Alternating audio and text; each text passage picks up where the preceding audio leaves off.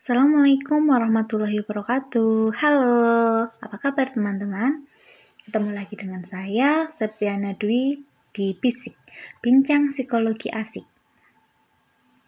Kali ini kita memiliki topik yang sangat menarik nih. Apa sih topiknya? Pada penasaran nggak? Pasti pada penasaran kan? Nah, topik kita kali ini yaitu stres pendatang baru yang tinggal di lingkungan padat dan bising. Gimana? Menarik kan? Makin penasaran kan ya?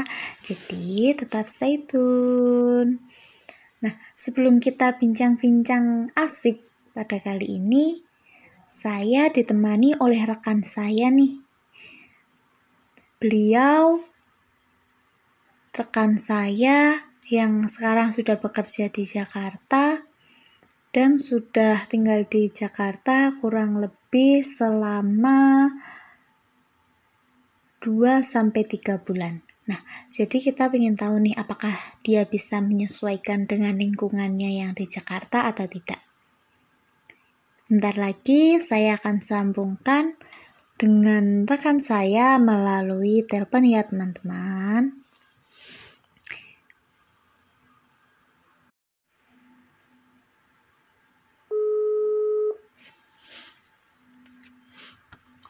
Halo, assalamualaikum. Waalaikumsalam warahmatullahi wabarakatuh. Uh, teman-teman, kita sudah tersambung nih sama rekan saya yang ada di Jakarta. Mari kita sapa dulu ya. Halo Mas Ade. Halo Septi, Waalaikumsalam. Gimana kabarnya nih sekarang? Alhamdulillah baik. Alhamdulillah. Nah, Mas Ade eh, sekarang jadi bintang tamu saya ya di podcast Bisik Bincang Psikologi Asik. Siap. Nah, Mas Ade, saya mau tanya dulu nih. Kan Mas Ade udah di Jakarta selama 2 sampai 3 bulan ya? Ya, betul Mbak Seti. Nah, eh Mas Ade kan di Jakarta itu kan lingkungannya yang padat dan cukup bising ya. Di mana di Jakarta itu fasilitasnya cukup lengkap seperti de, ada pendidikan, kesehatan, hiburan, transportasi, dan banyaknya lapangan pekerjaan. Nah, motivasi Mas Ade sendiri, kenapa sih kok sekarang tinggal di Jakarta? Hmm, salah satu alasan saya pergi ke Jakarta itu karena ingin mencari pengalaman baru. Yang kedua untuk menambah wawasan lagi di luar lingkungan di Jawa. Yang ketiga karena motivasi ingin berkembang lebih baik lagi ke depannya. Jadi itu. Mas Ade tertarik nggak sih sama fasilitas yang ada di ibu kota? Uh, menurut saya fasilitas yang ada di Jakarta sangat mendukung ya jadi saya sangat tertarik apalagi dari adanya eh, KRL, komuter lain dan MRT yang sudah ada sekarang dan lain-lain sebagainya. Nah, uh, Mas Adi sendiri di Jakarta berarti sekarang kerja ya? Alhamdulillah bekerja Nah, kalau boleh tahu, Mas Ade sekarang tinggalnya di mana ya? Di lingkungan yang seperti apa sih? Hmm. Uh, saya di sini berdomisili di daerah kawasan Cakung di Jakarta Timur, itu dekat dengan Pasar Klender dan Stasiun Klender. Kalau lingkungan di sana gimana, Mas? Eh, menurut saya lingkungan di sini sangat padat ya, terutama di kawasan pemukiman maupun di kawasan jalan raya ataupun di jalan-jalan sempit di Jakarta ini. Hmm. Nah, teman-teman sendiri udah tahu nggak sih apa sih yang uh, kenapa lingkungan itu dapat dikatakan padat? Kalau menurut Mas Adi sendiri, lingkungan dapat dikatakan padat itu lingkungan yang bagaimana sih? Lingkungan yang padat ya. Uh, lingkungan padat itu bisa dikatakan suatu wilayah yang memiliki rasio penduduk per kilometer yang melampaui ambang batas di mana ketika kita petakan lebih dari satu kilometer buffering buffer itu misalnya terdiri satu kilometer terdapat terdapat banyaknya sekitar lebih dari 10.000 penduduk. Oke. Nah, Mas Ade, dulu kan Sri Mulyani, Menteri Keuangan kita kan pernah menyampaikan kalau urbanisasi di Indonesia itu menyebabkan perkotaan semakin sesak dan kebutuhan perumahan kian mendesak dan padat. Nah, efeknya sendiri banyaknya urbanisasi ini membuat pendatang bermukim di tempat seperti di pinggir kali, jalur hijau, kolong jembatan, maupun di pinggir rel kereta api. Nah, kira-kira kalau Mas Ade itu eh, apakah juga tinggal di lingkungan yang seperti itu atau enggak sih? Tentu saja tidak bertempat tinggal di daerah-daerah seperti itu ya. Karena daerah seperti itu memang buat orang-orang yang marginal gitu. Jadi saya meskipun tempatnya ramai tapi lumayan aman lah seperti itu. Berarti uh, kan tadi Mas Ade sudah menyampaikan kalau di tempat tinggal Mas Ade itu cukup padat.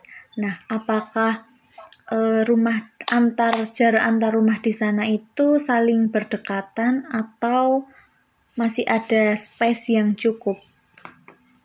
Eh, sangat-sangat uh, berdekatan.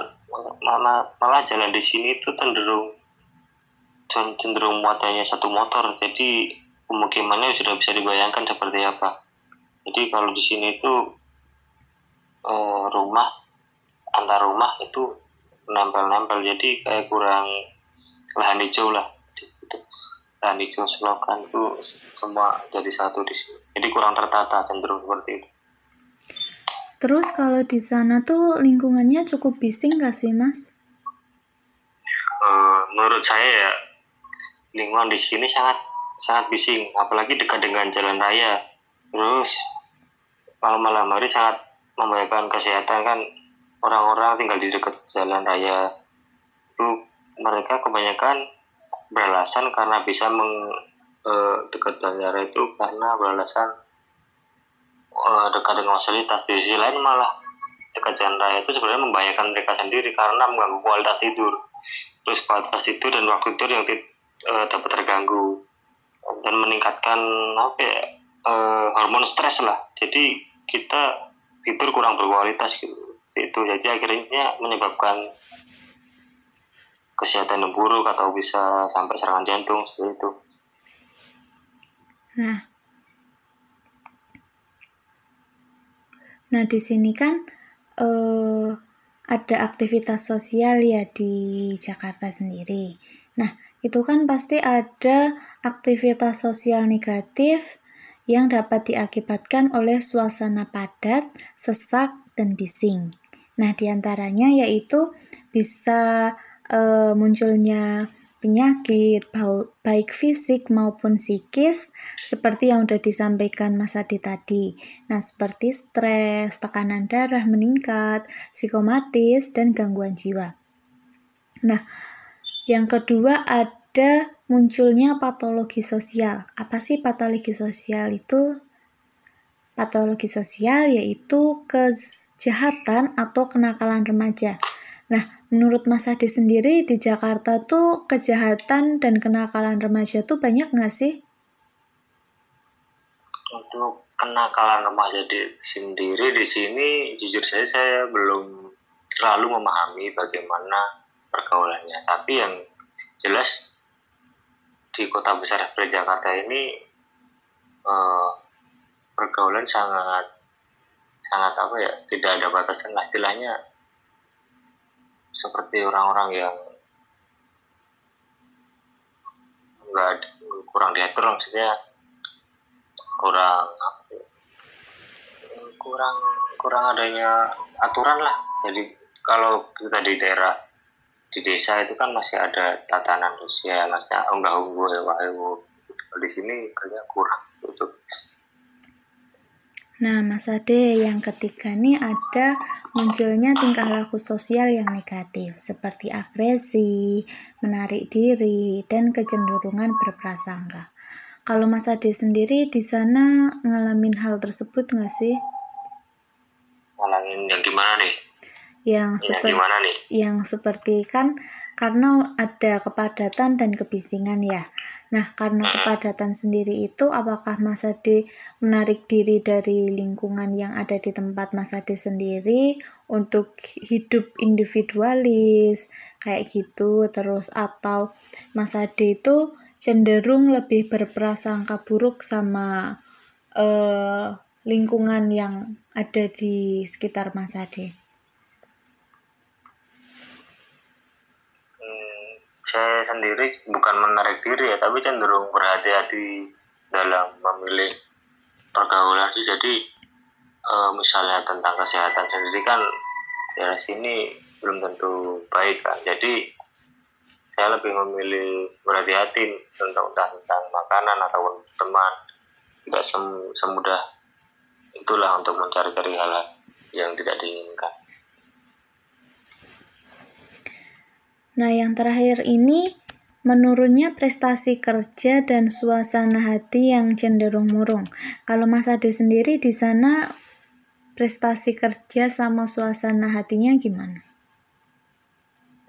prestasi kerja dan suasana hati itu tergantung apa ya tergantung hmm, tanggal tanggal sih Ada tanggal muda ya ada waktu- pengaruhnya nggak oh, sih oh. sama kebisingan sama kepadatan di sana? oh. Eh kalau kebisingan pasti ada ya apalagi kalau kita berangkat kerja itu berangkat kerja waktu jalan, di jalan macet berangkat telat tidak sesuai ekspektasi kita jalan udah macet-macetan terus panas mengganggu konsentrasi lah. Jadi di udah sampai kantor itu cenderung uh, moodnya udah hampir hilang lah gitu Terus Mas Ade di sana bisa menyesuaikan nggak sih sama lingkungannya? Hmm, kalau adaptasi harus menyesuaikan ya, apalagi saya di sini kan motivasinya untuk mencari pengalaman baru. Jadi mau tidak mau harus menyesuaikan diri cepat dengan cepat. Terus Mas Ade di sana tuh ngerasa tertekan, terganggu dalam berinteraksi dengan lingkungan, kayak gitu nggak sih? Hmm, tidak ada sih, tidak ada tekanan ataupun terganggu. Nah, kalau kebebasan Mas Ade itu ngerasa nggak sih kalau kebebasan di sana itu terancam dan bisa membuat stres Mas Ade dengan adanya kebisingan? Yang sebenarnya sangat apa ya, sangat mengganggu, bukan terancam ya. Dia terancam misalnya di, eh, pergerakan tidak sebebas itu. Waktu ada kebisingan misalnya mau ke sana kemari jadi mikir-mikir ntar macet ntar bagaimana? Jadi mobilitas kira sangat berkurang mau ke mana-mana gitu. Jadi sebelum pergi malah udah males gitu mau ke mana pun. Nah, Mas Ade, ini kan eh, menurut Oliver pada tahun 2003, pemukiman yang padat penduduk lebih rentan mengalami depresi yang lebih besar dan memiliki emosional yang negatif. Selain itu, dia merasa eh, perasaan amannya itu lebih rendah dari orang lain dan kepuasan lingkungan yang kurang. Nah, kalau Mas Ade sependapat nggak sih sama pendapat Oliver pada tahun 2003?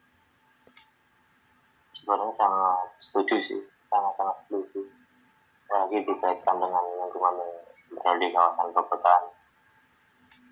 Ya setuju. Nah, eh, kalau dari segi penghasilan Mas Ade nih, ini berpengaruh nggak sih sama eh, motivasi Mas Ade sendiri untuk pindah ke tempat yang lebih nyaman seperti itu? Penghasilan dan apa tadi kaitan apa eh kan penghasilannya Mas Ade itu eh, kemungkinan ada bakal untuk dialokasikan untuk pindah ke tempat tinggal yang lebih nyaman gitu nggak sih? hmm, pasti ada ya. Tapi terpikir sampai sana gitu. Jadi di sini mau merintis dulu lah. Merintis bagaimana baiknya ke depan. Gitu. jadi mau baru merencanakan ke sana belum sampai dalam tahap itu nah uh, kalau biasanya kan individu yang udah mulai stres kayak gitu akibat kebisingan yang setiap hari didengar dengan kepadatan yang ada di sana, mereka cenderung e, melampiaskannya dengan merokok atau melakukan hal-hal yang lain. Kalau Mas Ade sendiri e, melakukan hal tersebut atau tidak? Ya, tentu saja tidak, saya juga tidak saya tidak merokok dan melakukan hal seperti itu